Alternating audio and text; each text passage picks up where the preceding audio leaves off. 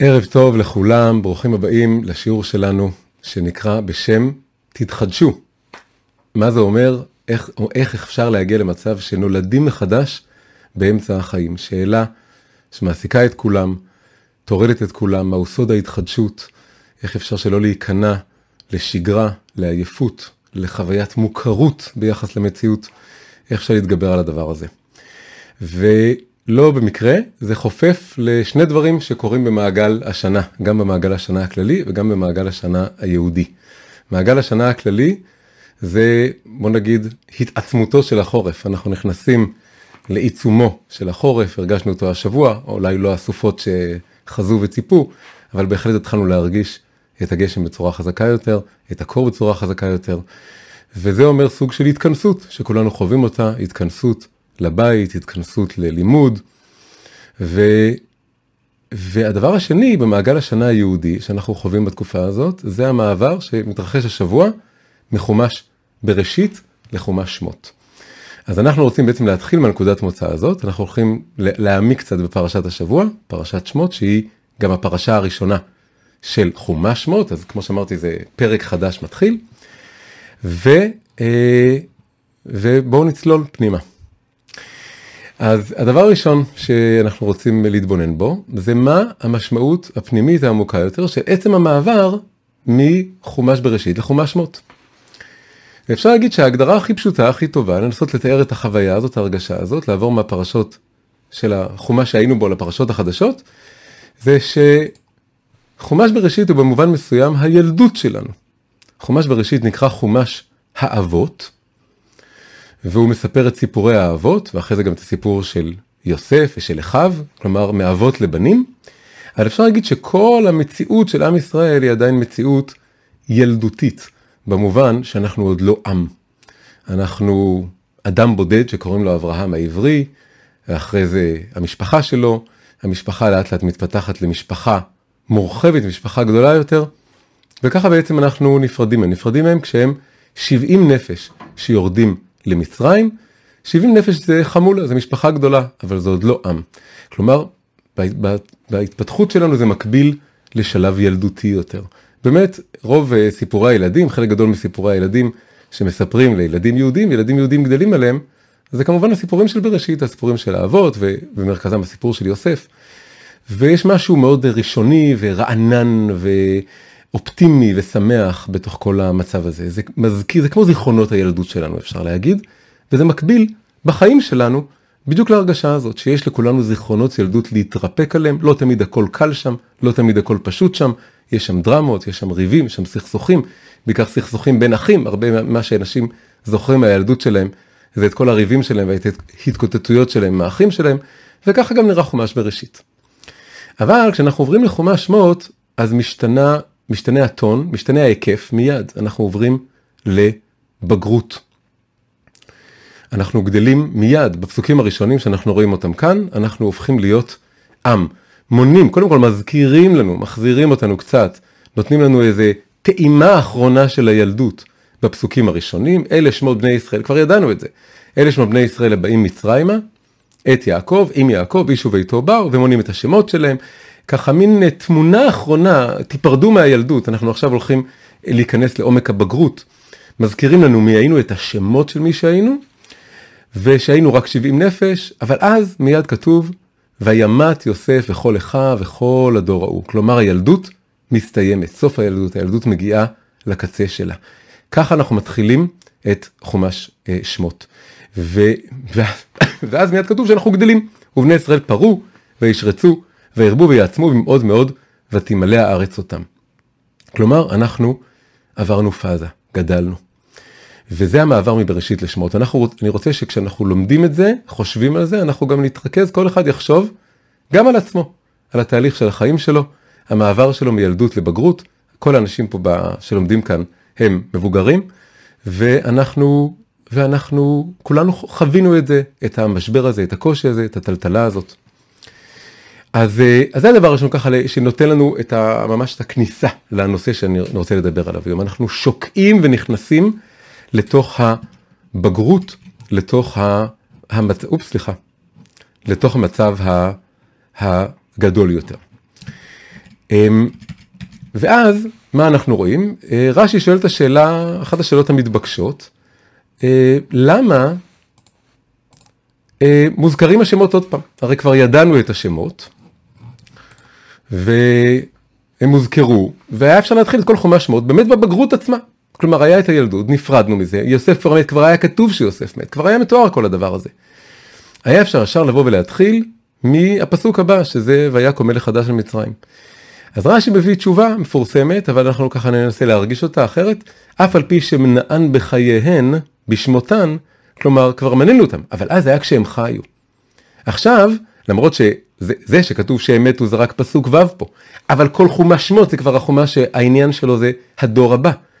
אז בעצם הוא אומר, המניעה הזאת, ההזכרה הזאת של כל השמות שלהם, היא אחרי שהם מתים. כשהם הפכו במילה אחרת לזיכרון. הם הפכו לזיכרון. הילדות הפכה לזיכרון, אבל זיכרון שצריך להיזכר בו.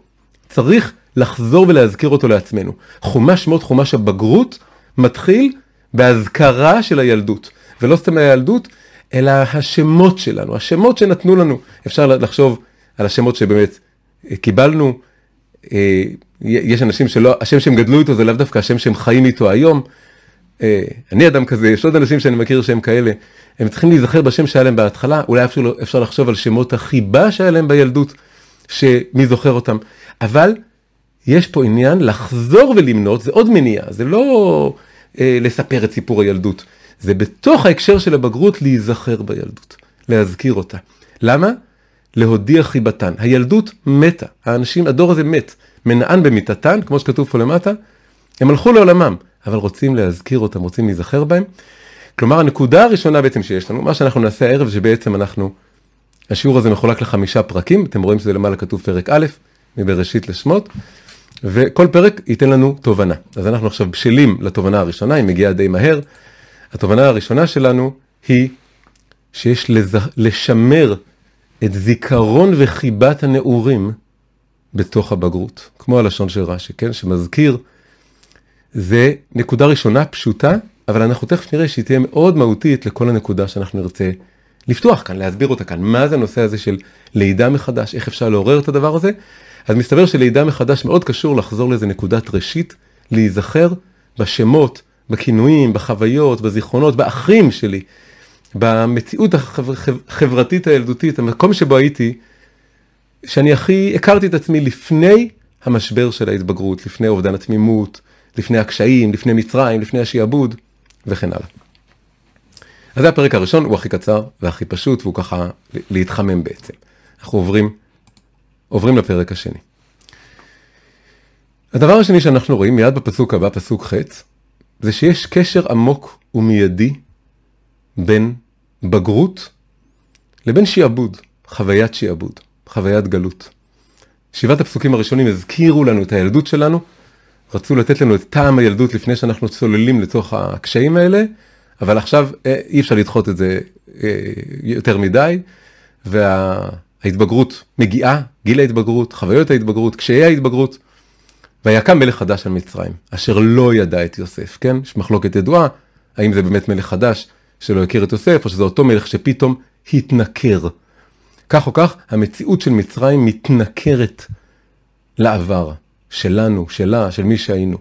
משהו בבגרות, פתאום החוויה של שאנחנו עטופים ולטופים ודואגים לנו ושמים אותנו בארץ גושן ודואגים לכל מחסורנו, יש לנו את יוסף שידאג לנו, את פרעה הטוב שידאג לנו, זה נגמר.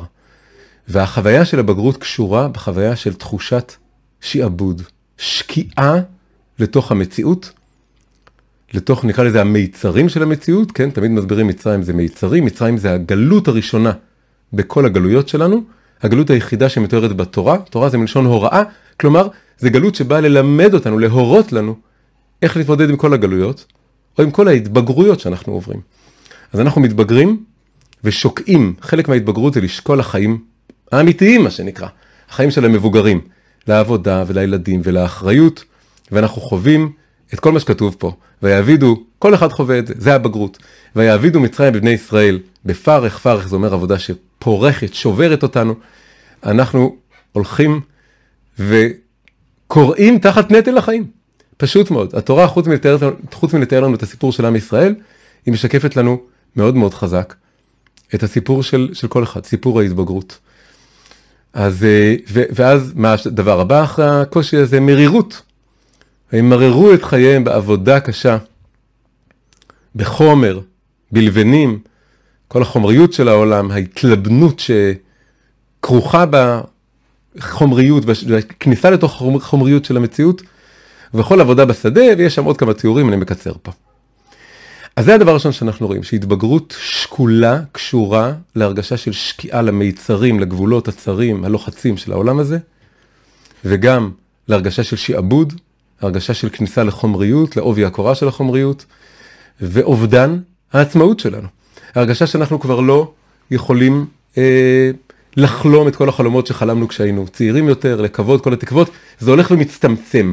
כשהייתי ילד הכל הרגיש לי מאוד פתוח, מאוד גדול, אבל אני מתבגר ונכנס למצרים, ולאט לאט האופקים שלי נסגרים. בצורה הכי פשוטה, משנה לשנה, אה, תכננתי בכל שנה לעשות איקס דברים, ואני עושה משהו יותר קטן מאיקס דברים.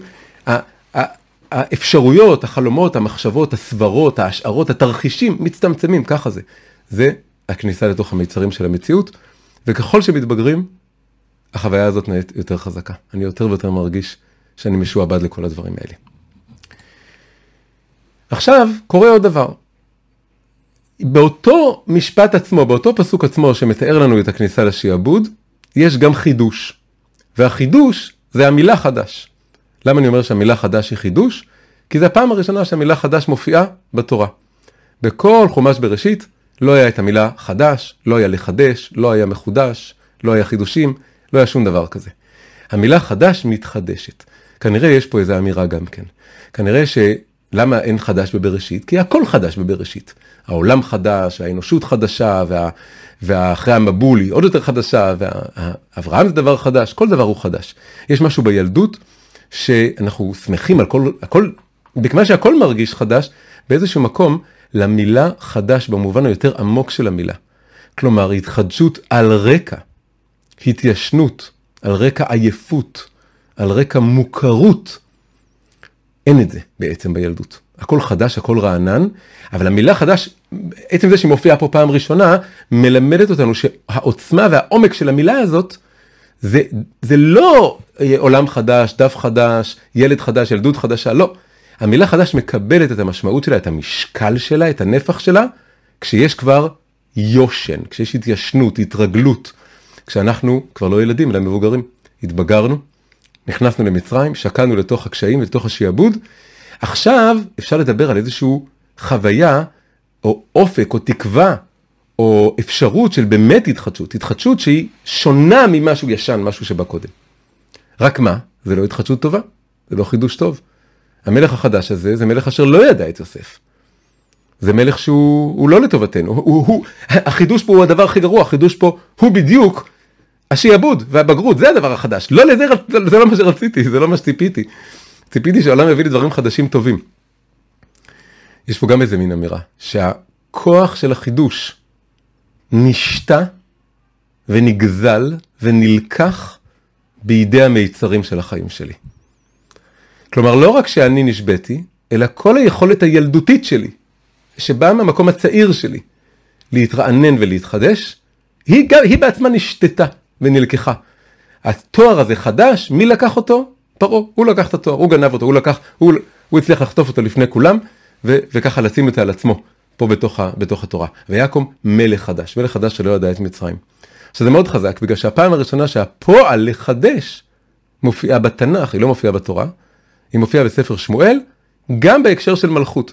לכו ונלכה הגלגל ונחדש שם המלוכה, זה שמואל שהולך למשוח את שאול המלך, המלך הראשון של עם ישראל. אז אנחנו רואים פה שני דברים. א', רואים פה שיש פה חדשנות רעה, ואז חדשנות טובה. החדשנות הרעה קודמת לחדשנות הרעה. יש כלל כזה בקבלה, ביהדות, במציאות, בחיים, שנקרא ברישא חשוכה והדר נהורה. דברים קודם כל מופיעים בגרסה החשוכה שלהם, ברישא חשוכה. בראש, בהתחלה מופיע החושך, ורק אחרי זה ברישא אחרי שוחה, והדר אחרי זה מופיע האור. הגרסה המוארת, הגרסה החיובית של הדברים. זה מה שרואים כאן. חדשנות, הכוח לחדש, מופיע קודם כל כדבר שהוא לא ממני. אני לא מחדש. המציאות זורקת עליי חדשות לבקרים עוד כל מיני שעבודים וקשיים. אני קם, אני בטוח שנפטרתי מזה צרה, וכל יום צרות חדשות, יש גם ביטוי, צרות חדשות משכיחות את הצרות הישנות. אם אני לא אקח את החידוש לידיים, אז, אז פרעה יחדש, העולם יחדש, מצרים יחדשו, הם, הם יעשו את כל החידושים, וזה לא יהיה חידושים נעימים בכלל, הם פשוט כל יום יפילו לי עוד איזה אסון חדש, קושי חדש. אנחנו צריכים לעבור מה... ויקום מלך חדש, ל... שזה, עוד פעם, זה רק תואר, חדש כשם תואר, לפועל, פעולה אקטיבית של לחדש את המלוכה בעצמנו. לא להיות העבד שמולך, הולך אחרי, מובל בידי המלכות של המציאות, הלא טובה של המציאות, אלא אני רוצה להיות זה שמוליך בעצמי, אני רוצה להיות המלך. אנחנו, עם ישראל, ממליכים את המלך הראשון, עם הפסוק הזה נחדש את המלוכה. אז אנחנו, אז, אז זה, הדבר הראשון שאנחנו רואים פה, זה שחדשנות קשורה במלוכה, בשאלה מי מוליך, מי מוביל, מי מנהיג את המציאות, ושהיא קודם מופיעה בגרסה הלא טובה, כלומר, כמו שאמרתי, המציאות תחדש, אבל בצורה שאני פסיבי לעומתה, ואני הולך ונסרח אחרי הדבר הזה במקום לחדש, לפעול בעצמי. עכשיו, מה זה אומר שמלכו, שהחידוש קשור דווקא במלכות? למה גם הדבר הראשון הוא מלך חדש, הפעולה הראשונה זה לחדש את המלוכה? מה הקשר העמוק פה בין חידוש לבין מלכות? מה זה מלכות בכלל? אז אפשר להגיד כשמדברים ביהדות על הדבר הזה, מושג הזה מלכות, אז הדבר הראשון שיש זה הקדוש ברוך הוא נקרא מלך, כן? כל ברכה אנחנו אומרים את זה, ברוך אתה השם אלוקינו מלך העולם, הקדוש הוא, הקדוש ברוך הוא מלך, יהדות זה לקבל עול מלכות שמיים, להפוך את העולם הזה למלכות של הקדוש ברוך הוא. אחרי זה בצורה יותר חסידית נפשית אפשר לדבר שזה לא רק הוא, להמליך את השם לקבל עול מלכות שמיים. מי מקבל עול מלכות שמיים? אני מקבל עול מלכות שמיים. וזה חלק מהתנועה שלי, של להתחיל לבחור מה אני עושה עם החיים שלי. יש פה גם עניין להוציא את כוח המלכות של האדם. הקדוש ברוך הוא, כך כתוב, רוצה דירה בעולמות התחתונים, הוא רוצה שאנחנו נתבגר, אבל בצורה טובה, בצורה שהיא לא תשועבד לאיזשהו מצרים, לשום אה, כוח חיצוני שמושך אותנו, אלא אנחנו אה, נבנה את כוח המלכות שלנו, נבנה את שדה ההשפעה שלנו, נתפתח, ו, ואז נהפוך את העולם הזה לעולם באמת שמלכות השם מורגשת בו. עכשיו חוץ מזה, מלכות זה גם מי שמכיר את המושגים בקבלה, זה ספירה, אחת הספירות, קבלה יש עשר ספירות שעומדות מהמבנה הפנימי של המציאות, הקדוש ברוך הוא ברא את העולם באמצעות הספירות האלה והוא מוביל את העולם דרך הספירות האלה.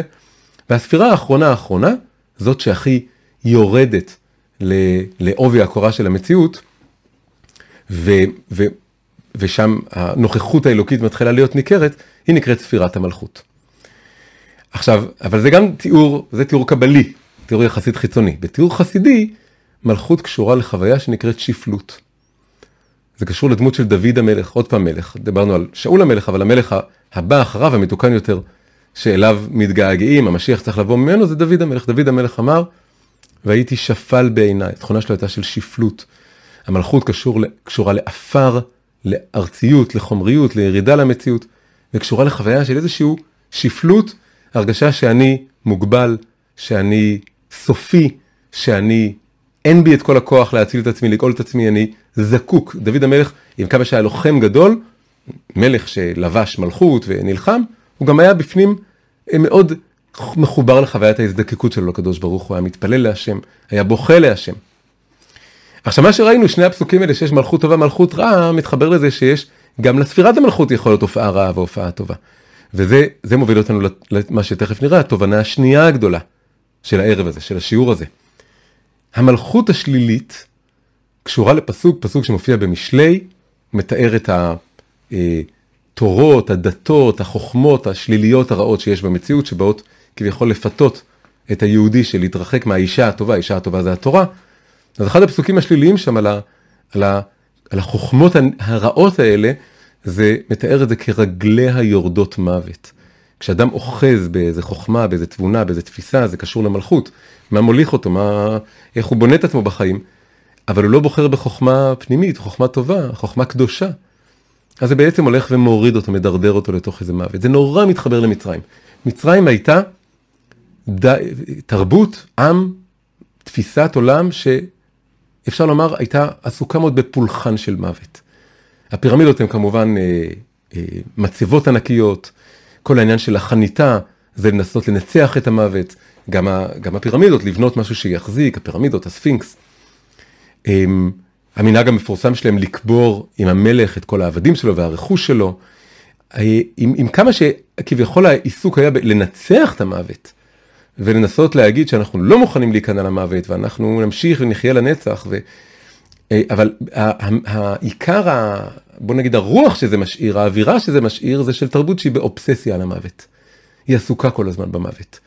באיזשהו מקום הם כבר מתים בחיים שלהם, הם כל הזמן חושבים על מה יהיה איתי אחרי המוות, וזה מה שמנהיג. יש איזה צד, ואני חושב שגם בסימבוליקה, ככה עולמית, מה שיצא מה, מהמצרים, בהמון סרטים, בהמון אה, אה, ספרים, בתרבות, זה שהמצרים נורא מזוהה עם עולם של מוות אחרי המתים, המומיות שחוזרות לחיים, כל ה... הקטקומבות של המצרים שאתה ככה נעים שם ועוברים כל מיני הרפתקאות, יש זה בכל מיני סרטי הרפתקאות כאלה, זה הכל קשור לזה שהאסוציאציה, אחד הסמלים הכי מפורסמים של המצרים זה האנח, סמל כזה מוכר, שהוא מסמל גם כן את המוות. המורשת של מצרים אפשר להגיד היא של התעסקות במוות. ו, וההקשר כאן, בצורה פשוטה, המצרים של החיים שלי, הבגרות הלא טובה, ההתבגרות שבה אני פסיבי ושוקע, היא רוצה להמית אותי. היא רוצה לקבור אותי. היא רוצה לקבור אותי בעודי חי. בזה צריך להילחם, כן? עם הדבר הזה אנחנו רוצים לנסות לנצח אותו.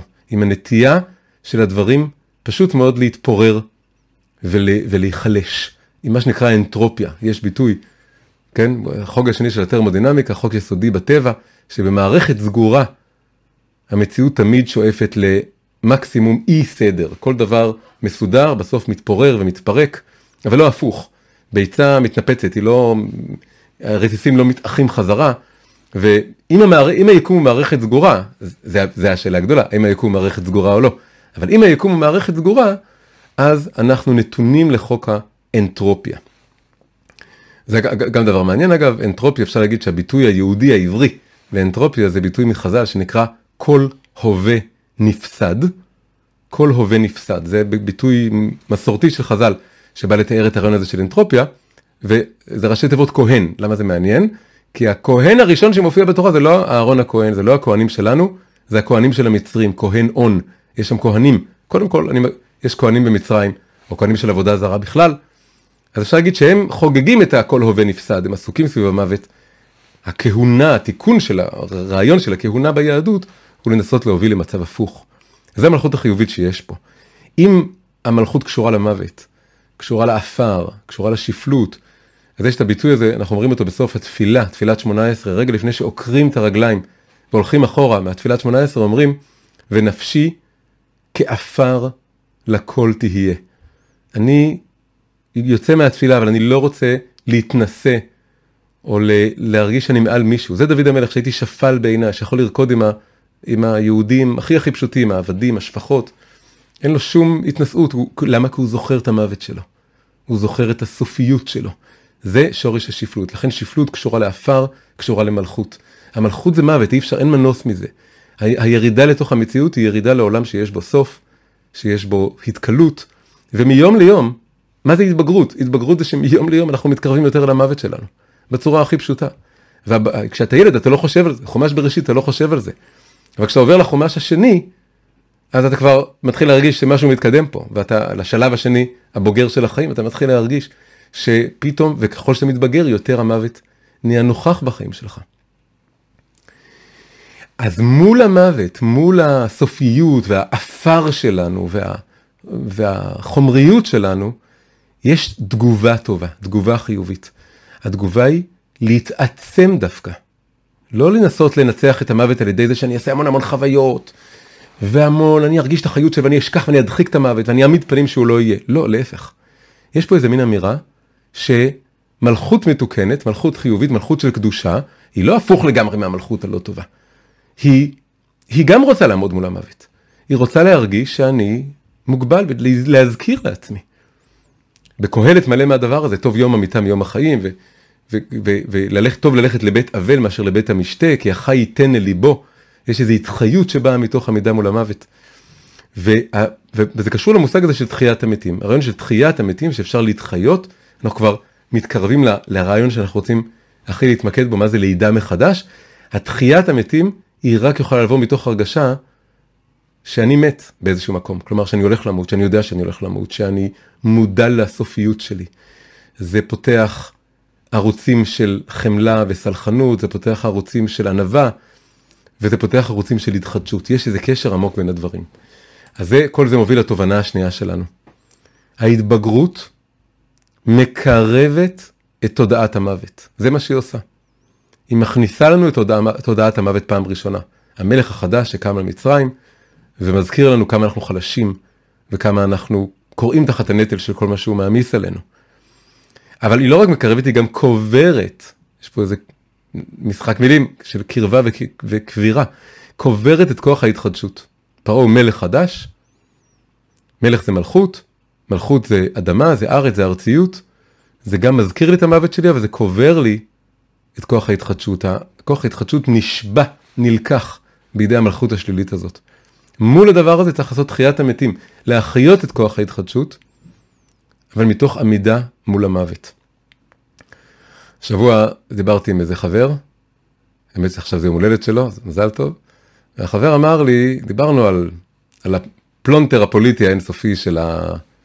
לא רק פוליטי, הצבאי, המלחמתי, מצב במזרח התיכון, הסכסוך עם הערבים, והסכסוך ספציפית סביב הר הבית, כל מיני נושאים דיברנו. ואז, אה, ואז הוא אמר לי, עזוב, כל הפרדיגמות לא עובדות, הן לא שוות כלום, יש רק דבר אחד שיכול להציל את המצב. אמרתי לו, מה? הוא אומר לי, סמים פסיכדליים. אז אה, למה? הוא אומר שאם כולם יקחו סמים פסיכדליים, אז בבת אחת הם יעברו שינוי, שינוי פרדיגמה, יעברו איזה reset לתודעה. שום פילוסופיה ושום הגות ושום מחשבה ושום תהליך אחר לא יכול, אה, לא יכול להציל, רק דבר כזה. אז חשבתי על זה קצת, כן, אני לא מסכים עם זה, אבל אני כן ניסיתי להבין מה הוא ניסה להגיד. אני חושב שהוא ניסה להגיד, זה ששינוי עמוק, שינוי, כמו שהוא אמר, שינוי פרדיגמה, שינוי שלגמרי מחליף את התודעה הרגילה, הוא לא קורה מתהליך שכלי רגיל. הוא קורה ממה שאפשר לקרוא למשהו הרבה יותר קיומי, משהו שבאמת באיזשהו מקום חווים אותו. לחוות את זה בצורה סתם פסיכדלי זה דרך מאוד מסוכנת ו, ו, ובעייתית לעשות את זה, כי, כי זה מוביל לכל מיני דברים לא טובים. אבל יש משהו אחר שהוא יותר חזק מכל הסמים הפסיכדליים, וזה קשור לעמידה מישירת מבט מול המוות שלנו. פעם אחת, לעבור את הדבר הזה, באמת באמת לעמוד מול זה, להבין ש, שזה חלק מהחיים. זה עמוק עמוק נוכח, להסתכל לתוך התהום הזאת, להבין שהיא שם, להבין שכל דקה פה היא יקרה, בגלל שאנחנו בכל דקה מתקרבים לשם. פעם אחת לעשות את זה לא באיזה מין ככה מחשבה שמלפנפים, זה לא צריך יותר מפעם אחת לדעתי. לעבור את הדבר הזה שעוברים את הזעזוע של להבין באמת את ה... להפנים את העובדה הזאת. אני חושב שזה ה... זה הפסיכדליה, זה כל הפסיכדליה שצריך. כלומר, זה, זה באמת יכול לרענן, לעשות ריסטארט, ריבוט לתודעה שלנו. ואחרי זה שחווים את זה, אפשר אחרי זה להזכיר את זה, לא צריך לחוות את זה באותה עוצמה עוד פעם. וברגע שפעם אחת יש את הרושם של הדבר הזה, אז אפשר להחיות את זה בנקודות. אז זו התובנה השנייה שלנו, מתוך חמש, כן? אנחנו לאט לאט מתקדמים במהלך. אז עכשיו עוברים לדימוי המרכזי של השיעור. וזה שיציאת מצרים משולה לתהליך של לידה. כלומר, אם נרחיב את זה, צריך להגיד שגלות מצרים היא סוג של הריון גדול, ויציאת מצרים היא סוג של לידה. יש לזה כל מיני רמזים. מצרים כונתה כבר בחומש הקודם, היא כונתה ערוות הארץ. יש פה איזה דימוי של מין אימא גדולה, רחם גדול, בטן אדמה גדולה, כמו מין אימא אדמה כזאת. נכנסנו אליה כשהיינו בקבוצה מאוד קטנה של אנשים, 70 נפש, זה כמו גרעין, זה כמו זרע, ואנחנו יוצאים 60 ריבו בתי אב, זה למעלה ממיליון איש, זה משהו מאוד גדול, יוצאים עם ענקי, הלידה עצמה, היציאת מצרים עצמה מזכירה לידה, קודם כל בזה שהמכות זה קצת כמו צירים. למי כואב המכות? זה לא כואב לתינוק, הצירים, למי זה, מי זה כואב? זה כואב לאימא, זה כואב למצרים. מצרים חווה את הצירים ככל שהיא צריכה ללדת אותנו, וקשה לה עם זה, אולי גם קצת שהיא לא רוצה ללדת אותנו. ו, והשיא של הדימוי הזה זה, זה קריעת ים סוף, קריעת ים סוף זה משהו כמו פקיעת מי השפיר מה שנקרא, ירידת המים והלידה, כן, הפתיחה של המים זה מין צוואר הרחם כזה, וכל היציאה הזאת זה מין תהליך של לידה, לידה שאורכת בעצם שבוע מהמכה האחרונה עד ה... כן, יש לידות קצרות, לידות ארוכות, שנזכה כולם ללידות קצרות, אבל יש פה איזה מין תהליך לידה, כלומר שמצרים היא, זה דימוי, דימוי מוכר, כן, אבל זה, אנחנו, אני רוצה להעמיק לתוכו ולהרגיש אותו יותר, לפתוח אותו יותר ממה שנוהגים, שמצרים היא כמו רחם גדול, שמצד אחד מגדל אותי, וזה דבר טוב, דבר חיובי, לכן המלך הראשון היה טוב, ויוסף, הוא גידל את יוסף, אהב את יוסף, דאג לנו, דאג לכל מחסורנו, זה רחם שמגדל אותנו. באיזשהו מקום זה המולדת שלנו, אפילו אפשר לומר, כפשוטו, אנחנו נולדים שם, ארץ כנען, ארץ ישראל, היא לא בדיוק המולדת שלנו. ו... אבל אז היא הופכת מדמות ששומרת עלינו ומגדלת אותנו, לדמות שהיא פתאום מאיימת עלינו. היא פתאום רוצה לחנוק אותנו, לסגור אותנו. זה כמו מה שנקרא התהפכות השיליה. יש מושג כזה שהשיליה מתהפכת, כלומר שהשיליה סוגרת את העובר, את התינוק. לכן לפעמים צריך לעשות ניתוח קיסרי. קיסר זה גם קשור למושג של מלך, של מלוכה, להוציא את המלוכה שלנו.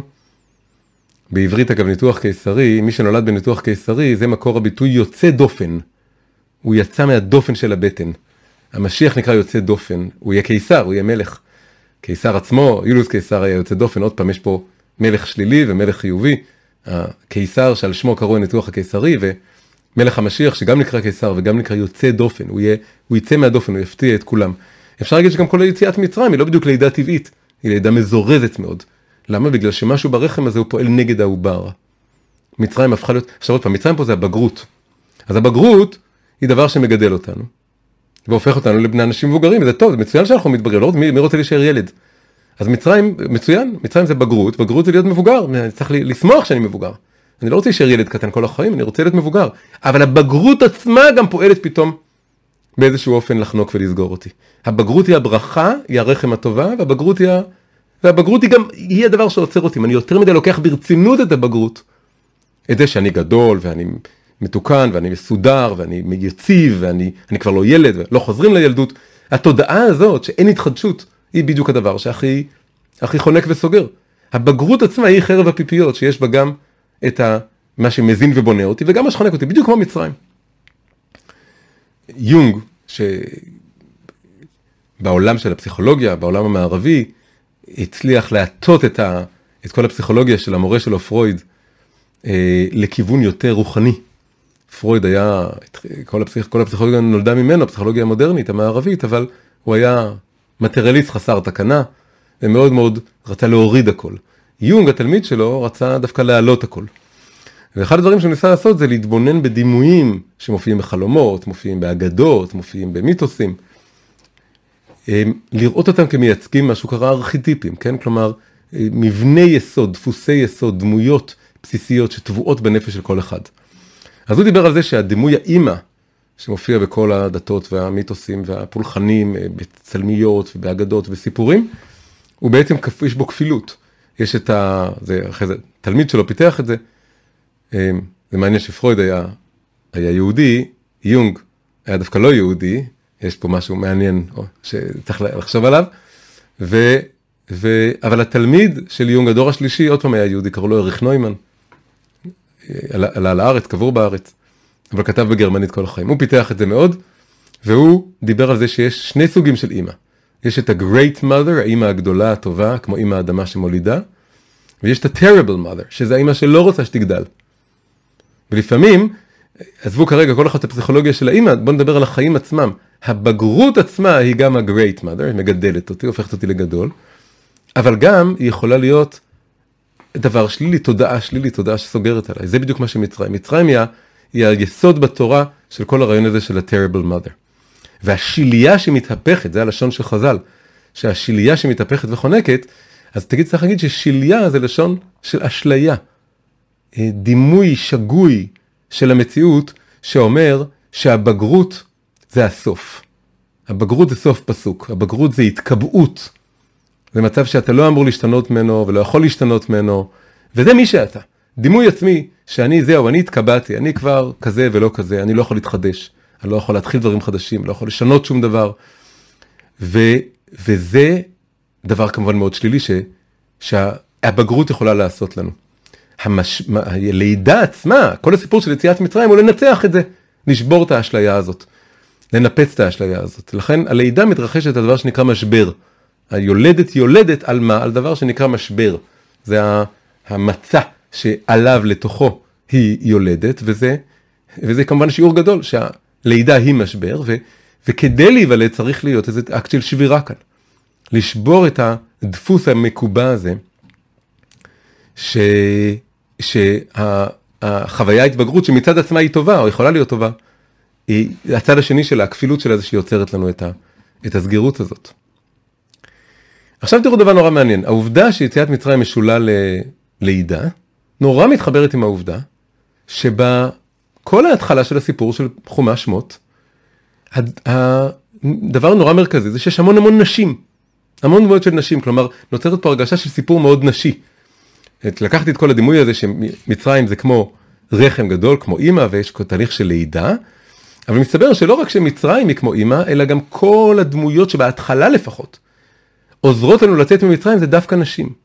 אחרי זה מי, הכי, מי מוציא אותנו ממצרים? זה משה רבנו, לידו יש את אהרון הכהן, יש שם את נחשון בן עמינדב שקופץ לתוך המים ו, ומאפשר לה, מוביל לתוך הפתיחה של קריעת ים סוף, אבל לפני כל הדברים האלה יש דמויות של נשים. אז זה מתחיל קודם כל, שמיד אחרי השיעבוד, שעם ישראל בכל זאת גדל יותר ויותר, כאשר יענו אותו כן ירבה וכן יפרוץ, אז מלך מצרים פונה, והם בעצם הדמויות הראשונות שהם לא פרעה. פונה להם ילדות העבריות, ויש להם שמות, שם האחת שפרה, שם השני תפועה. ואז כשהם לא מקשיבות, ב... הוא אומר להם להרוג את, ה, את הבנים אה, ולהשאיר את הבנות, גם, זה גם התייחסות לבנות, הן לא עושות את זה, ואז הן מתרצות את זה, הן אומרות כי לא הנשים המצריות, העבריות, פתאום מדברות על כל הנשים העבריות, וכל הנשים המצריות. כי חיות הן, החיות כלומר יולדות לילד את עצמן. ואז הוא, פרעה ממשיך, עוד פעם מדבר על, ה, על הבנות, כן, וכל הבת תחיון. זאת אומרת שהבנים כאן רוצים לזרוק, רוצים להתמקד בבנות.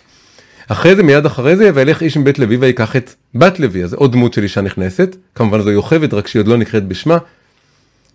ואחרי זה שהיא אה, יולדת את משה, עוד אין לו שם, אז, אז מרים נכנסת לתמונה, גם לה עדיין אין שם. יש פה עניין שאנשים, שפרה ופועה יש להם שמות, אבל יש ויכוח גדול מיהן. ואז יוכבד ומרים, וגם בת פרעה, שלוש נשים שנכנסות כאן, אין להם שמות כרגע. הן מקבלות את השמות מאוחר יותר. אה, יוכבד ומרים בעצם בהמשך הפרשות, ובת פרעה רק בדברי הימים. אז מגיעה יוכבד, אה, האישה של לוי, ושל, של, אותו, של אותו איש מבית לוי, שזה עמרם, ואז אחותו שזה מרים, ואחרי זה בהמשך מגיעה בת פרעה, והנערות שלה, ושולחת את אמתה, כן? וכל הדבר הזה הוא המון המון דמויות של נשים. ובסוף עוד פעם חוזרת אימא של משה, מרים הולכת וקוראת לה, היא אומרת, רוצה שאני אביא לך אישה מינקת מן העבריות, והיא הולכת וקוראים לה אם הילד. המון המון נשים יש כאן. כלומר, אמ,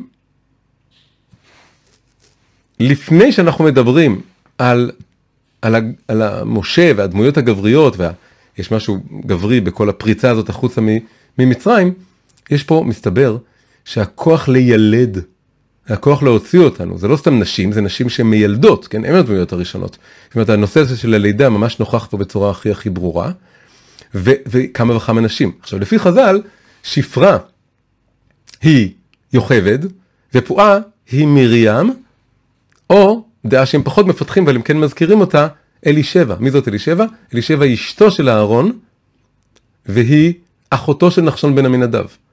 כלומר, שלושת הדמויות הגבריות, משה, אהרון ונחשון, שהכי יש הרגשה שעם המת, המטות שלהם ועם העזות הנחשונית של לקפוץ לתוך הים, לפני שהם באים לתמונה, יש פה את הנשים שלהם, את אימא של משה ואהרון, את אחות של משה ואהרון, את אחות של נחשון, שהיא גם אשתו של אהרון. הנשים האלה, ושפרה ופועה, על פי פשט שפרה ופועה הם נשים אחרות. כאן הם, הם הופכות, כאן הם מזוהות עם הנשים האלה, אבל כל מארג הנשים האלה מסתבר שהוא קרדינלי, הוא נורא נורא מרכזי לחולל את כל היציאה הזאת ממצרים. ואת זה אנחנו רוצים להבין. מה זה אומר שיש פה איזה משהו נשי דווקא, שמתחיל את התנועה של יציאה ממצרים? למה צריך אה, להתחבר למקום הזה? כמובן, גם אישה גם גבר, כל אחד מאיתנו בהתבגרות שלנו. יש פה איזה סוד שאומר שהפריצה החוצה מהנטייה הזאת לשקוע לתוך חוויית העולם הזה היא מאוד מאוד קשורה ב... בלהתחבר לאיזה מקום נשי דווקא. אחרי זה יבוא גם המקום הגברי, יש את הדמויות של הגברים פה, והם מובילים את זה החוצה. עכשיו, אמרנו שיש פה, של... אחרי שפרה ופועה, יש לנו שלוש דמויות. שפרה ופועה זה חטיבה בפני עצמה, ואז מופיע יוכבד, ואז מרים, ואז בת פרעה. עכשיו אם יוכבד ומרים הם הם שפרה ופועה, אז בת פרעה פתאום הופכת פה להיות איזה משהו יוצא מן הכלל. אז מה צריך להגיד עליה? צריך להגיד שהיא בחינת האימא הטובה שבתוך האימא הרעה של מצרים. כלומר שב... עוד פעם, האימא הרעה פה, זה חוויה, האימא בכלל, מצרים, זה חוויית ההתבגרות שלנו, המציאות שלאט לאט הופכת אותנו לגדולים, אבל גם למשועבדים לחיים ולמציאות. בתוך הדבר הזה יש צד טוב וצד לא טוב, בגדול זה נהיה פה בהקשר הזה שאנחנו מדברים על מצרים כמשהו מאוד מאוד שלילי שסוגר עלינו, אבל הפריצה היא לא נעשית רק בידי הדמויות העבריות, זה לא רק עם שפרה ויוכבד, ושפרה ופועה ויוכבד ומרים ואלישבע, ואחרי זה עם ישראל ואחרי זה גם הגברים, זה לא רק הדמויות העבריות, זה לא רק ה...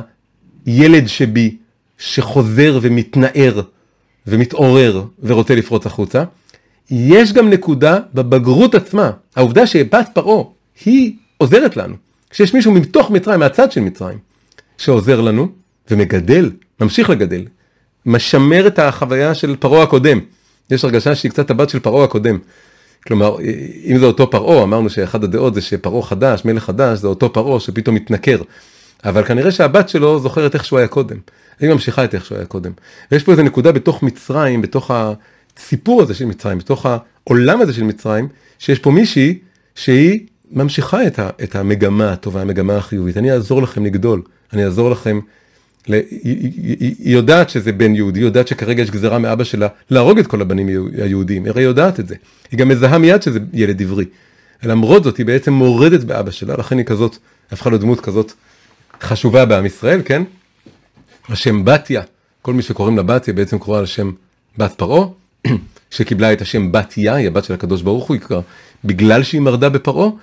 מה הנמשל של כל הדבר הזה? הנמשל של כל הדבר הזה, זה שבבגרות יש משהו טוב שצריך, שעוזר לנו בלידה מחדש שלנו. כלומר הבגרות היא לא רק האויב כאן.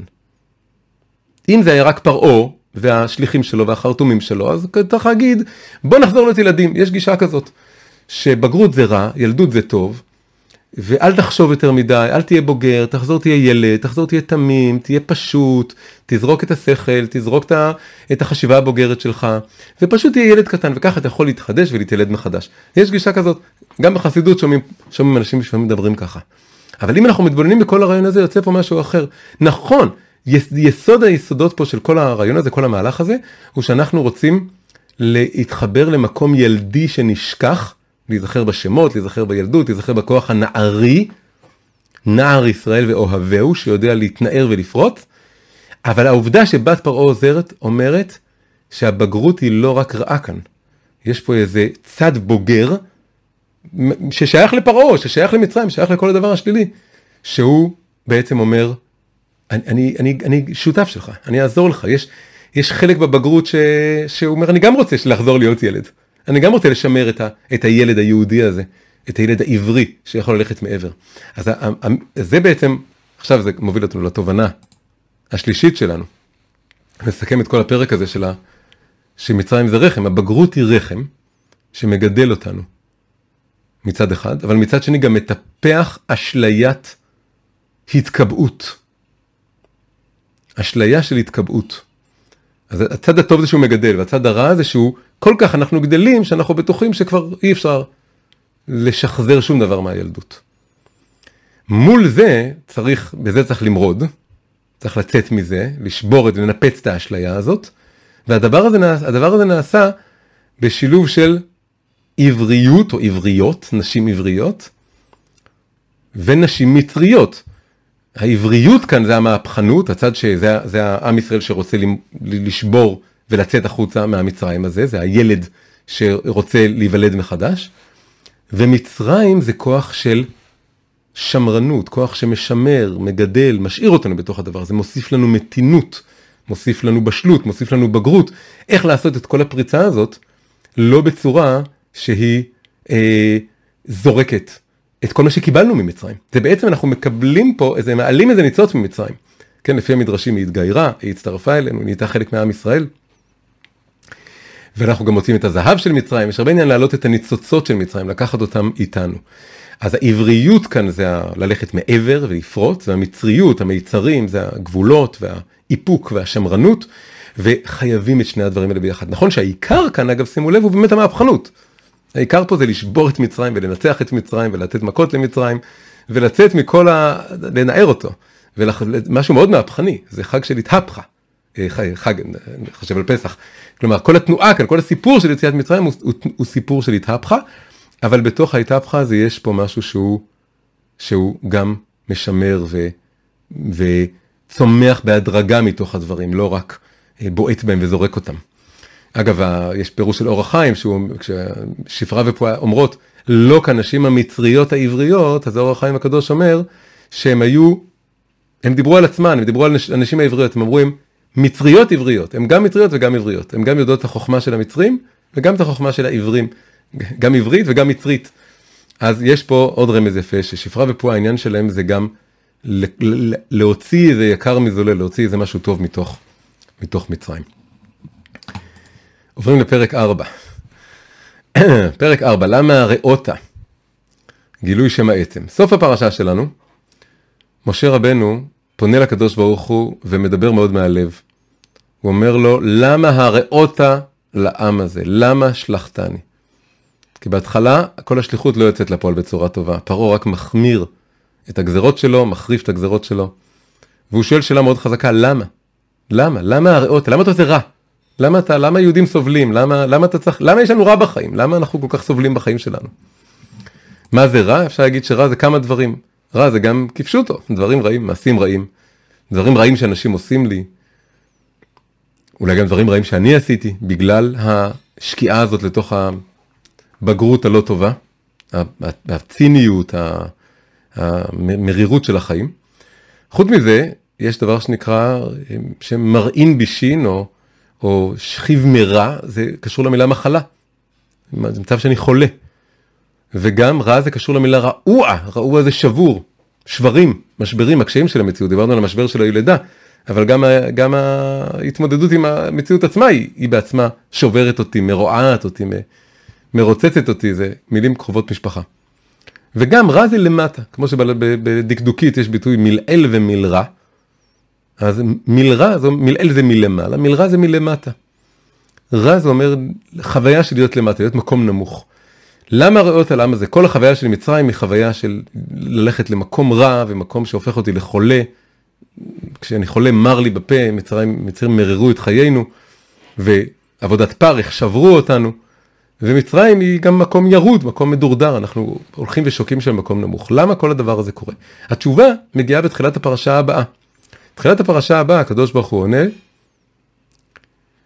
אני השם, כך הוא עונה לו, וארא אל אברהם, אל יצחק ואל יעקב בקל שקי, שם שנודעתי להם, ושמי השם, שמי הוויה, שם הוויה, לא נודעתי להם. כלומר, זה התשובה ללמה הריאותה. אני הריאותי, נכון הריאותי, אומר השם, הוא לא מכחיש, הוא מודה שהוא עשה דברים רעים לעם ישראל, לכולנו, כל הזמן הוא עושה את הדברים הרעים, הקשים שאנחנו חווים, אבל יש איזה מטרה. המטרה היא שיתוודע לנו שם השם. עכשיו, נבין את זה. אחת השאלות הכי מפורסמות על הדבר הזה, זה ששם השם מופיע המון עם האבות. למה הוא אומר אה, שלא נודעתי לאברהם, יצחק ויעקב בשם הוויה? אז הוא כן, אז השם הוויה הופיע כל הזמן. אז מסבירים ככה, מסבירים בחסידות שיש הבדל, יש שתי בחינות של שם הוויה. שם הוויה יכול לשמש בשני אופנים. אחד כשם תואר, השני כשם עצם. שם תואר זה דבר חיצוני יותר, הופעה חיצונית של הקדוש ברוך הוא היה, הוא הווה, יהיה, הוא מהווה את המציאות. אפשר לחשוב כל מיני מילים על זה. שם גבוה, אבל הוא עדיין רק תיאור, באיזשהו אופן הוא מתאר משהו על השם, שהוא נצחי, שהוא מעל הזמן, מעל המרחב. אבל יש גם שם הוויה כשם עצם. על שם עצם זה עצמות השם, זה משהו לא נתפס ולא מובן. כמו שיש, מתחת לבשר יש עצם והוא קשה. והוא, אבל הוא עצם העניין, הוא העצמות של הדברים, זה גם מושג פילוסופי שיש לדבר תכונות, אבל מעבר לתכונות שלו, יש לו את העצם שלו, לא רק את התכונות המקריות, הצבע שלו, הצורה שלו, כל זה אפשר לקלף, לגלף, בסוף נשאר עם העצם. אז, אז, ברוק הוא בעצם כזה, עד עכשיו נודעתי לכל האבות, בעצם לא נודעתי, הודעתי להם. כשהתגליתי להם בשם השם, הודעתי להם, מה זה עוד? סיפרתי להם שיש לי בחינה כזאת של הוויה, שאני היה, הווה ויהיה, אני מעל המציאות, אני משהו טרנסצנדנטי. ההתגלות הזאת היה, היה לאברהם, היה ליצחק, היה ליעקב. הודעתי להם, וארא, הם ראו אותי, משהו שאפשר לראות, לתפוס יחסית בשכל. אבל אני רוצה שבזכות כל הקושי של מצרים, אתם תתחברו אליי ברמה יותר גבוהה, שהיא נקראת שם הוויה כשם עצם, עצם העניין, עצם החיבור עם השם, וזה נודעתי. אני מודיע את עצמי, אני לא מודיע על איזה משהו, הודעתי, איזה ידע שאפשר לספר למישהו, ואז יש לו את הידע הזה. אלא יש פה איזו התוודעות הרבה יותר עצמית, נודעתי. אני רוצה שבאמת יבינו מי אני בצורה חזקה, וזה רק קורה מתוך הקושי. כלומר, כל התכלית של הירידה והרעה וההידרדרות והקושי הזה, זה כדי לגלות את העצם. מה זה העצם? העצם זה גם עצמות השם, להבין את השם, לא כאיזה רעיון פילוסופי, לא כאיזה מישהו חביב שאני מתפלל אליו, הוא יעזור לי, לא כאלוהי אבותיי, המורשת היהודית, או כל מיני דברים כאלה, אלא מפגש קשור לעמידה מול המוות. מפגש הרבה יותר עצמי, גם אפשר לומר עוצמתי, עם, עם ההבנה שהשורש של החיים שלי הוא באמת מעבר לעולם הזה, הוא לא כאן. וה, והמשמעות וה, והתיקון וגם ההתחדשות שלי, נעוצים בלהתחבר אל, אל המקום העצמי הזה. אז זה גם העצם של השם, עצמות השם, אבל זה נורא נורא קשור לעצמיות שלי. כשאני עומד מול השם ואני אומר, ברוך אתה השם, לא הקדוש ברוך הוא בגוף שלישי, לא האידאה האלוקית, לא אה, אה, הקוסמוס, היקום, כמו שהרבה אנשים אוהבים להגיד, תתפלל ליקום, היקום יקשיב לך, כל מיני דברים כאלה. זה לא מקום שמפגיש אותך עם העצם. אתה, כשאתה עומד מול השם בלשון נוכח מה שנקרא, אתה גם באיזשהו מקום פוגש את עצמך, מתמודד עם עצמך, עם העצמיות שלך, בצורה הרבה יותר חזקה, וזה השורש של ההתחדשות והגדילה. זה כל הירידה הזאת, יש מה שנקרא ירידת צורך עלייה. כל הירידה של הגלות, כל ההתבגרות, כל הקושי, כל החוויה הזאת שהחיים סוגרים עליי ומורידים אותי ומקטינים אותי, מכווצים אותי, זה בעצם תהליך של גילוף או קילוף או חשיפה של מקום הרבה הרבה יותר עצמי ועוצמתי ואמיתי שהוא כבר לא תלוי בכל הדברים האלה שהוא זוכר את העיקר. אנחנו בילדות ובהתחלת הבגרות מפוזרים על כל כך דברים לא חשובים. וכל המטרה, ככה צריך להגיד לעצמו, כל אחד מאיתנו, אני קורא לכם, קורא לעצמי, בכל קושי שיש לנו בחיים, בעצם לשאול, להבין שזה קורה לי הדבר הזה כדי שאני אעבור עוד איזו התקלפות מאיזשהו שם תואר, אבל תואר גם של עצמי, דימוי עצמי, דימוי של השם, דימוי של מה זה החיים האלה בכלל, ויותר ויותר, וזה ספירלי, זה כל פעם יש ירידה, צורך עלייה גבוהה יותר. כל פעם להגיע למקום שהוא עוד יותר עצמי. אמרנו שגלות מצרים זה, זה פעם אחת, אבל זה אחרי זה אב טיפוס של כל הגלויות וכל הגלגולים. גלות זה גם לשון גלגול, כל הגלגולים שלנו בחיים, כל גלגול כזה הוא כדי שיהיה גילוי, יש, יש קשר בין גלות והתגלות ו, ולגלות ולגלות. ואנחנו רוצים דרך כל גלות וגלגול כזה לגלות מחדש בצורה יותר עצמית ועוצמתית את הסיפור. את השורה האחרונה פה אני כרגע מדלג עליה, כי הזמן קצר. אז התובנה האחרונה היא שתכלית כל משברי החיים היא לגלף ולגלות את נקודת העצמי שלנו. שמולה אנחנו פוגשים את עצמות השם וגם את העצמיות שלנו. וזה המפתח והשורש לכל האפשרות ללדת מחדש.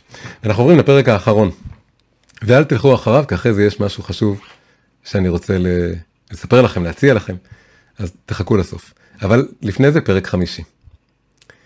אז פרק חמישי זה סדנת ה-rebirthing של שפרה ופועה, כך קראתי לזה. עכשיו אנחנו רוצים לחזור לשפרה ופועה, אבל הפעם דיברנו עליהם באופן כללי, שיש שתי נשים כאלה, שם האחת שפרה, שם השנית פועה, שאולי זה יוכבד ומרים, פועה זה אולי אה, אלישבע. אבל עכשיו אנחנו רוצים יותר לתת לכל אחת את הפנים שלה, את תווי הפנים שלה, כן? כל דמות כזאת בתורה יש לה סיפור לספר. מה, מה בין שפרה לפועה, מה כל אחד מהם בא ללמד אותנו, וביחד היא נותנת לנו שיעור בלידה מחדש. זה בעצם התובנה האחרונה, וה... וככה השיא שמה שאני רוצה שתישארו איתו. אז נתחיל מרש"י, רש"י אומר ככה, רש"י יש הרבה הרבה פירושים לשמות שפרה ופועה, זה נמצא הכל במסכת סוטה. במסכת סוטה יש קטע ארוך של אגדתות על שפרה ופועה, יש הרבה הרבה מאוד פירושים, ויש אפילו אחרי זה עוד פירושים שפרשנים הציעו. אבל יש עניין הרבה פעמים להתבונן במה רש"י בוחר. דווקא במה שהוא בחר, הסדר שהוא בחר. אז, אז נתבונן, אז הוא אומר ככה, הוא אומר שפרה זו יוכבד. עוד פעם מביא את זה מדרשי חז"ל, ומכל האפשרויות הוא בוחר אחת, יש להם כמה הסברים, שזה מלשון שפורפרת, ומלשון כל מיני דברים, שאתה מפיחה חיים בתינוק אם הוא היה מת, דבר אמיתי שעושים היום. בכל אופן, שהוא אומר שפרה זו יוכבד, למה? על שם שמשפרת את הוולד, כלומר מנקה אותו. הוא נולד, הוא נולד מכוסה בדם, בדם של האימא, וצריך לנקות אותו. אז זה, זה היה התפקיד שלה, אז, אז לכן קראו לה שפרה, אבל בעצם זה יוכבד, שפרה זה כינוי שלה. פועה, הוא אומר, זו מרים, זו אכן גם הדעה המרכזית בחז"ל.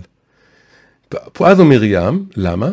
על שם שפועה ומדבר, ומדברת והוגה לוולד כדרך הנשים המפייסות תינוק בוכה, כן? יש איזה ספר מפורסם שנקרא לוחשת לתינוקות, על איך לדבר עם תינוקות בצורה שתרגיע אותם, וכנראה פועה היא הלוחשת לתינוקות הראשונה, היא הייתה מרגיעה, הייתה מפייסת, והייתה יודעת לפעוט ולדבר ולהגות, שלוש, שלושה פעלים, צריך לחשוב עליהם. וזה פירוש אחד. יש עוד פירושים אגב, יש גם פירוש שהיא הייתה לוחשת לאימא שבהיריון, היא הייתה לוחשת לתינוק עוד לפני שהוא יצא. היא הייתה, בזכות הלחישה שלה הוא היה יוצא החוצה, כשהלידה התעכבה, אז לפועה היה יכולת לבוא וללחוש לבטן של האימא בהיריון והיא הייתה מוציאה, אבל רש"י לא לוקח את זה. מכל הפירושים האלה אפשר בהזדמנות אחרת אולי להרכיב משהו שלם וגדול יותר, אבל כרגע נלך עם רש"י. אחרי זה פתאום רש"י עושה עוד דבר שהוא הוא, הוא לא מאוד נדיר, אבל הוא גם לא מאוד שכיח אצלו. הוא מביא עוד פירוש לאותו דבר. זה לא דבר שהוא עושה המון. הוא לא מספיק לו הפירוש הראשון, הוא צריך להביא עוד פירוש לפועה. הוא אומר פועה לשון צעקה. נשים לב, כן, הוא כבר לא צריך להגיד שזה מרים, הוא כבר אמר שזה מרים. הוא אומר פועה לשון צעקה, כמו פסוק בישעיהו, כיולדה אפעה. עכשיו, פה קורה משהו מעניין, למה רש"י מביא את הפירוש השני הזה? הוא מביא קודם כל, שלהראות לנו שפועה זה לא רק משהו מפייס ורגוע, הוא חייב, הנה הביטוי הזה לפעוט מופיע בהקשר של אה, צעקה של היולדת. הדבר השני המעניין כאן זה שרגע, אבל היולדת צועקת, לא המיילדת צועקת. הרגע אמרנו ששפרה ופועה, זה מה שכתוב, שפרה ופועה זה מיילדות. אז מה פתאום פועה, היא, המיילדת צועקת יחד עם היולדת, אולי המיילדת והיולדת כל כך מתחברות, הן צועקות ביחד, אפשר לדמיין איזה מין אחווה נשית חזקה כזאת, שהיולדת והמיילדת הן כבר כל כך מחוברות, שהפועה צועקת יחד עם האמא, יולדת עם האמא ביחד, צועקות ביחד, כיולדה, כף דמיון, היא לא בדיוק היולדה, כיולדה צועקת איתה ביחד, וככה מובילה את הדבר הזה. אמ, אפשר לבוא ולהגיד, אגב, ש...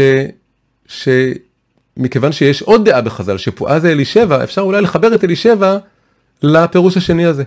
אלישבע אחות של נחשון, נחשון הוא זה שביצע את הלידה, ביצע את בקיעת המים, נכנס לים סוף, אלישבע אחותו כנראה דומה לו, אפילו מאלישבע ונחשון למדו את ההלכה שמי שרוצה להתחתן צריך להסתכל על האחים של אשתו, כי כתוב שאהרון התחתן עם אלישבע אחות נחשון, אז מזה למדו את זה. בכל אופן, אז יש שני פירושים על פועה, מקביל לזה שיש שתי דעות מי זאת בכלל פועה, אז זה דבר מעניין. ועכשיו תראו אבל מה, מה יוצא כאן מהמבנה הזה, מכל הדבר הזה. קודם כל יוכבד ומרים יש הבדל ביניהם. אם הולכים על יוכבד ומרים. יוכבד זה פירוש ידוע, היא לא נולדה במצרים, אבל היא גם לא נולדה בארץ ישראל, בארץ כנען. היא נולדה בין החומות, במצרים כמו לכל, להרבה ארצות יש חומה חיצונית וחומה פנימית. זה תשובת חז"ל לקושייה למה כשעם ישראל יורד למצרים כתוב שהם היו 70 נפש, אבל אם סופרים רואים 69. סופרים את כולם, מגיעים ל-69, אבל, אבל הפסוק אומר 70. יש סתירה מיני ובי, מיד אחרי אחד אחד אחרי השני. אז חז"ל אומרים שפשוט מאוד, יוכבד זה היה גבולי, זה היה על קו התפר. אז מתוך הסתירה המעניינת הזאת בין הכתובים, שכתוב 70 אבל מונים 69, לומדים שיוכבד נולדה בין החומה החיצונית לחומה הפנימית. היא לא בדיוק לגמרי בפנים בתוך מצרים, יש לה עוד צד, כל הדור מת, כל הדור הקודם אני מזכיר מת. אבל היא בגלל שהיא על הקו התפר היא עוד חיה, היא היחידה שעוד יש לה בעומק התת מודע שלה, העובדה שחוויית הלידה שלה הייתה עוד לא בדיוק מצרים אבל כבר לא בדיוק ארץ ישראל, יש משהו בעומק החוויה שלה, שם היא נולדה, יש פה גם הכל פה סיפור הלידות. הלידה שלה בעצמה, יש איזה זיכרון צרוב בה, שהיא יודעת להסתכל על מצרים מבחוץ קצת. אבל מרים לא, מרים נולדה בתוך מצרים, מה זאת אומרת נולדה בתוך מצרים? כל השם שלה זה על שם וימררו את חייהם. מרים נקראת מרים בגלל השיעבוד, היא נקראה על שם השיעבוד, היה כל כך נורא, נולדה ילדה, קראו לה מרים, על שם שממררים את חיינו. מרים זה ארבע מתוך חמש האותיות של המילה מצרים. בתוך המילה מצרים אני מוציא את הצדיק, יש לי מרים. מרים חובה את מצרים לגמרי לגמרי מבפנים. אבל יוכבד לא, יוכבד היא חצי בפנים חצי בחוץ, זה מאוד משמעותי.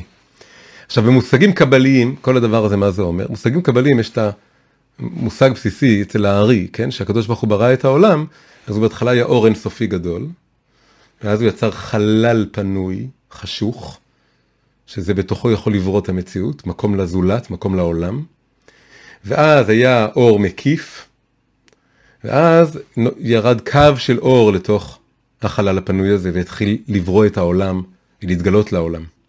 דימוי מאוד יסודי ועמוק, כל יסוד היסודות של כל קבלת הארי. אז אפשר להגיד שמרים חווה את החלל הפנוי, אגב דימוי של רחם, דימוי מובהק שהעולם כולו מין רחם גדול כזה, שנמצא בתוך הקדוש ברוך הוא.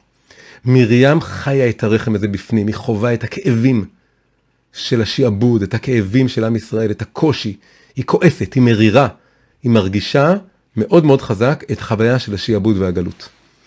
אבל יוכבד היא אור המקיף. יש בה איזה צד, יש ביוכבד משהו של כבוד, כבוד השם, היא עוד זוכרת קצת את כבוד השם, מקום שהוא מבחוץ, ויש ביטוי שנקרא מקיף קרוב, אפשר להגיד שארץ ישראל זה מקיף רחוק, זה ממש מחוץ למצרים. בין החומות זה מקיף קרוב, זה תודעה שהיא זוכרת לא זוכרת, נוגעת לא נוגעת, היא, היא כל החיים שלה זה במצרים, אבל יש לה איזה משהו נוגע לא נוגע, שהיא יודעת, יש לה, נשאר לה טעם החוויה שפעם היינו בני חורין. והקו שהיא מולידה זה כמובן משה רבנו, משה ואהרון, ומרים בעצמה אפשר להגיד, הם, הם הקו, מרים פה היא החלל, אז צריך להגיד שבאמת הקו הזה זה יותר משה, שהיא הקו שבוקע, חודר לתוך המציאות, ואז מחולל את היציאת מצרים, זה כאן יוצא משה שיוצא מיוחדת.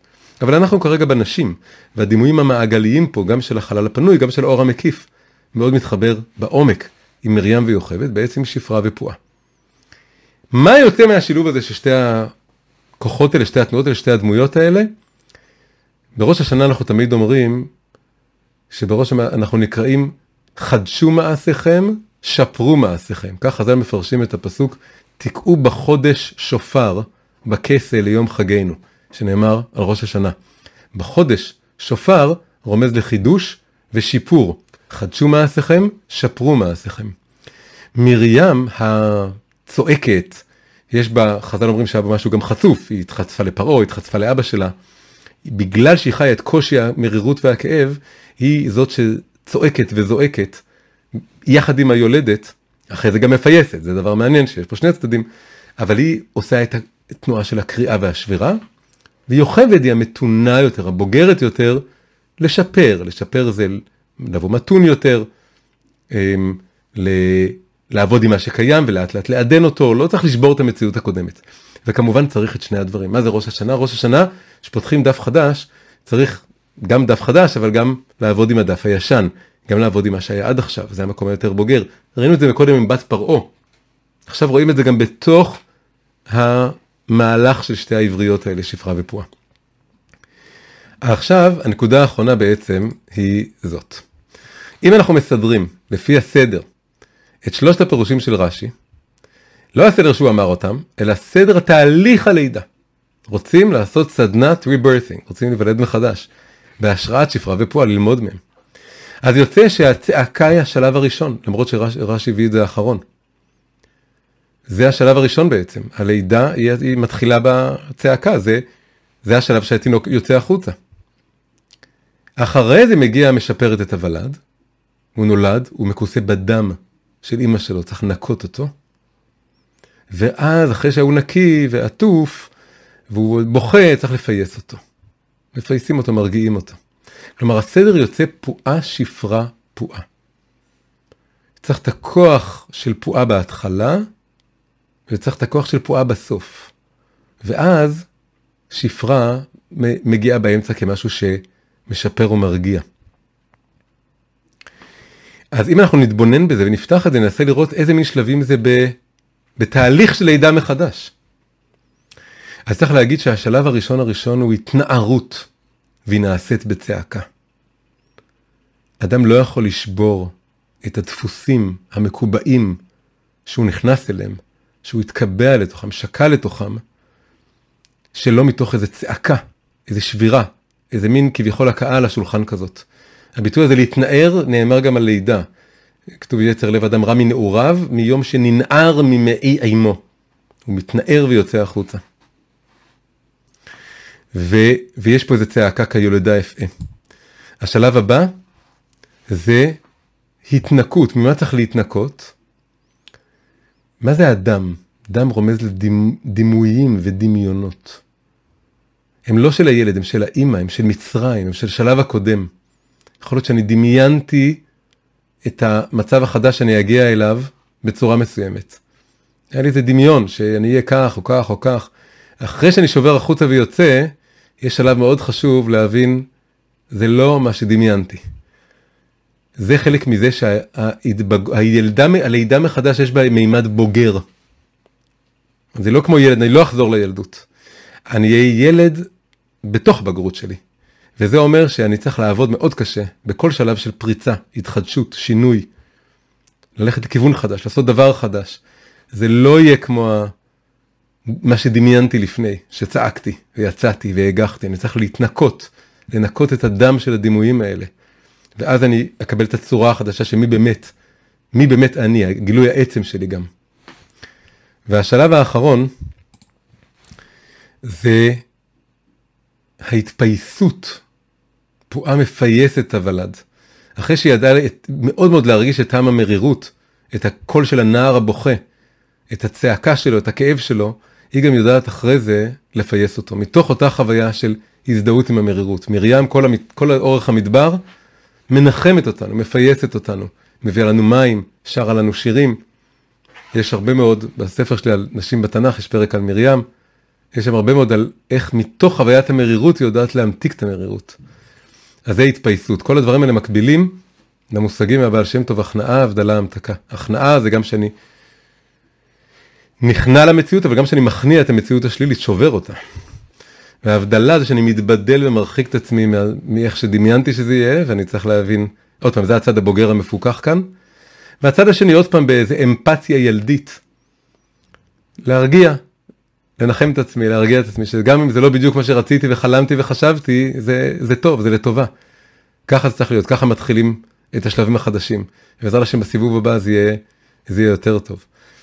אז, אז פועה פה היא זאת שמדברת אל הילד שבי, ושפרה היא זאת שמדברת אל המבוגר שבי. יש פה איזו תנועה מילדות לבגרות לילדות בתוך עצם ההתיילדות הלידה, הלידה מחדש. כמובן כל שיעור כזה, זה דבר שצריך אה, להמשיך להתבונן בו ולחשוב עליו. זו התובנה האחרונה כאן, ההתנערות, ההתנקות וההתפייסות. דבר שצריך לקחת לתשומת ליבנו, להתבונן בו, לחשוב עליו, להרגיש אותו, לחבר אותו לחיים שלנו. ועד כאן השיעור שלנו על לידה מחדש, התחדשות, לידה מחדש בתוך החיים. אבל לפני שאתם הולכים, אני רוצה לנצל את ההזדמנות הזאת לנצל את המצב שאנחנו נמצאים בו בכניסה לתוך עומק החורף ועומק השנה של החומש השני, אמ, ולהציע לכם משהו, לספר לכם על מה שאני, שאני אה, עבדתי עליו, הרבה הרבה, ואני מאוד רוצה להציע לכם, לספר לכם עליו. וזה בעצם שני דברים, זה שני קורסים, שחלק מכם אולי שמעו עליהם, אבל, אה, אבל הרבה הרבה, עוד יכולים עוד הרבה לקבל מזה אני חושב. והנה הם לפניכם. אה, שני קורסים שמאוד קשורים לשיעור הזה. השיעור הזה דיברנו על שמות, אבל הדגמנו כאן בעצם מה זה לקחת סיפור, דימוי, מצרים, לידה מחדש, ולהעמיק בו, להתבונן בו, לפתוח אותו, לראות את כל העומקים שנמצאים בו. אז זה נמצא בקורס שעושה את, את מה שעשינו עכשיו, עשיתי על פני שנה שלמה בעצם, בקורס שהעמיק בשתי הפרשות הראשונות, בראשית ונוח. בכל הדימויים של בריאת העולם, לפתוח מה קורה שם.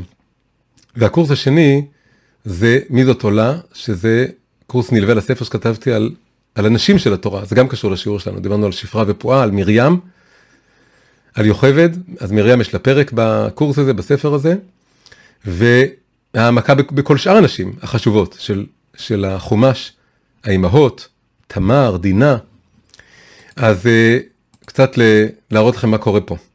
אז אה, הקורס הזה, בראשית, כמו שאמרתי, עוסק בשתי הפרשות הראשונות. הוא כולל 27 שיעורים מצולמים, שביחד זה מעל 30 שנות לימוד. ולומד באמת לרוחב ולעומק את, ה, את ה, כל מה שקורה שם. זה דבר שאין אותו בשיעורים שלי ביוטיוב, ואין את זה בדברים שכתבתי, זה דבר שנמצא בעצם רק בקורס הזה. וזה ממש ככה מסע, מסע מאוד רציני, וזה הולך, יש בזה מצגות, אגב זה הולך גם מפגשי זום חיים, אני תכף אה, אה, אראה את זה, יש מצגות בכל שיעור שממש ככה פותחים ו... וממחישים ומפתחים ומרחיבים ונוגעים בעוד נושאים, בפסיכולוגיה, במדע, מושגים קבליים. אמ, הנה עוד קצת מושגים ממדע, תרבות.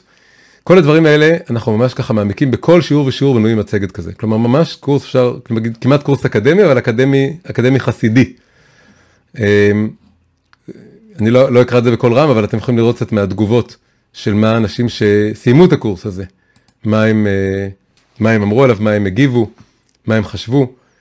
בזמן הזה אני גם מציין שזה, השיעורים מצולמים, אבל יש מסלול לימוד שבנוי על שיעור בשבוע, ואז אה, יש כל תשעה שיעורים, זה 27 שיעורים, כל תשעה שיעורים יש אה, שיעור זום חי, כלומר יש שיעורי זום חיים, שבהם אנחנו אה, שואלים שאלות, מאבדים את זה, עוברים על התוכן, זה היה ממש ממש שילוב מאוד מאוד חזק, אנשים למדו את השיעורים, ואז נפגשים אה, לדבר עליהם, ולשאול את השאלות, וזה מתפתח מהשיר, ומאוד ככה עוזר בעצם לאבד את זה, להפנים את זה, ללמוד את זה יותר לעומק. אה, כן, אז זה כל ההמלצות, אפשר גם לראות זה אחרי זה בדף נחיתה. זה כמה מהנושאים שיש שם, בריאת העולם, אדם וחווה, קין והבל, בני האלוהים שיורדים, המבול תיבת נוח, מגדל בבל. זה הלוז, מי שקונה את הקורס, אז מקבל לוז שממש מראה, פה זה הלוז של הקודם, אבל הלוז החדש מעודכן, זה מתחיל בעצם שבוע הבא, עוד שבוע, ולומדים, סופרים לאחור לתשפ"ג, וכל אה, חודשיים בערך יש מפגש live חי, ביחד, נפגשים שעה יותר, כמה שצריך, ומעבדים את הכל, שלושה מפגשים לאורך הדבר הזה. מי שזה קצת גדול עליו או, או מסע גדול, אז יש את האפשרות השנייה, ויש גם אפשרות לקבל עסקת חבילה ביחד. אז מי זאת עולה? זה, כמו שאמרתי, קשור לספר שלי, אה, על אנשים בתורה, זה בעצם עובר על כל הפרקים של הספר ומרחיב, יש דברים בקורס שאין בספר ולהפך. אה, זה הנושאים שלו, זה הדמויות שנידנות בו, מבוא על עליית הנשיות בכלל, מושג חשוב שעומד ברקע של הספר, אחרי זה חווה, אה, עוד דמות מסתורית שקשורה בחווה, שרה, רבקה, רחל ולאה, דינה, כל אחת מהדמויות האלה מקבלת ככה את כל המקום שלה להבין אותה. גם פה יש המלצות, שנעבור עליהן, יכולים לראות את זה אחרי זה בדף. וברוך השם, באמת ברוך השם, אנשים שלמדו את זה מאוד הודו לי, ממשיכים להודות לי, מרגישים שקיבלו מזה המון. אבל לצערי זה יושב במדף הווירטואלי, ולכן כל כמה זמן אני צריך ככה להזכיר את זה ולעורר את זה ולעשות מבצע. אז זה גם מה שאני עושה עכשיו. אז בעצם יש לנו פה שלושה, שלושה מבצעים. הראשון זה שהקורס בראשית זה המחיר הקודם שלו, אבל המחיר שאני עכשיו מציע אותו בו, זה המחיר הזה. אפשר לחלק את זה 12 תשלומים, זה יוצא 85 שקל לחודש, פני שנה, יש את הקורס בראשית. הקורס השני מי זאת עולה, גם כן בהנחה עצומה, 480 שקל, אפשר לפזר את זה על ארבעה תשלומים. והדבר הכי משתלם אפשר להגיד זה בעצם, אפשר לקנות את שניהם ביחד במחיר הזה. ו-99 לחודש, נשאר דו ספרתי, גם פסיכולוגית זה, יש בזה, יש בזה כוח מסוים, זה נשאר דו ספרתי, ועל פני 12 תשלומים, דבר שאני חושב שממש אה, לכל כיס, אני באמת, אנשים אומרים לי לעשות מחירים הרבה יותר גבוהים ממה שאני עושה את זה, אבל, אבל אני באמת לא רוצה שזה יהיה משהו לעשירים. אני חושב שזה דבר מאוד אפשרי, מה שמקבלים הוא מאוד מאוד גדול. מקבלים בקורס בראשית שלושה זום חיים במקביל לשיעורים, יחד עם מי זאת עולה, גם מפגש זום אחד, לא אמרתי, משל עצמו ששייך אליו. כל הדברים האלה, אה, מי שנרשם אז הוא מקבל את הכישורי כניסה, אפשר לצפות בזה בכל מסך, בכל, מתי שרוצים, זה נשאר אצלכם לכל החיים. אה, מפגשי live כאמור, קבוצות וואטסאפ לדיונים, לתוספת, זה משהו שמאוד עוזר לגיבוש של קבוצה. וכל הדבר הזה הוא, אה, זה חלק מהאלמנט של הלידה מחדש, הוא, אה, ההנחה הזאת היא עד שבת בחצות. אני יודע שזה יש בזה טריק, אבל זה טריק אמיתי. הוא קשור לזה שבלידה צריך, צריך כיווץ, צריך uh, צמצום וצריך גבול, יש, אמרנו שיש גם בת פרעה נותנת מיצרים, אל תחשבו שכל השיעור היה בשביל זה, כן? אבל, אבל יש פה, יש פה איזה נקודה עמוקה, שיש פה איזה, לקבל החלטה, לפעמים עושים את זה באותו לילה, אני לא אוהב לעשות את זה. אפשר לחשוב על זה בשבת, להתבשל על זה בשבת. כל מי שהיה בוובינר, אני עכשיו שולח לו בעצם אה, מייל ו-SMS של סיכום, עם קישור לכל, ה... לכל הדברים האלה, אפשר לקרוא עוד על, עוד על השיעורים, אפשר, יש אה, סרטון קטן שאני מדבר על כל, על כל זה, אה, קורס, אה, לקרוא על זה עוד, לקרוא את ההמלצות, לחשוב על זה, לדבר על זה עם הבת זוג, עם הבן זוג, ואתם מאוד מאוד מוזמנים, אז זה מיד יישלח. אז תודה רבה לכולם, ממש היה לי תענוג, וניפגש בקרוב בעזרת השם.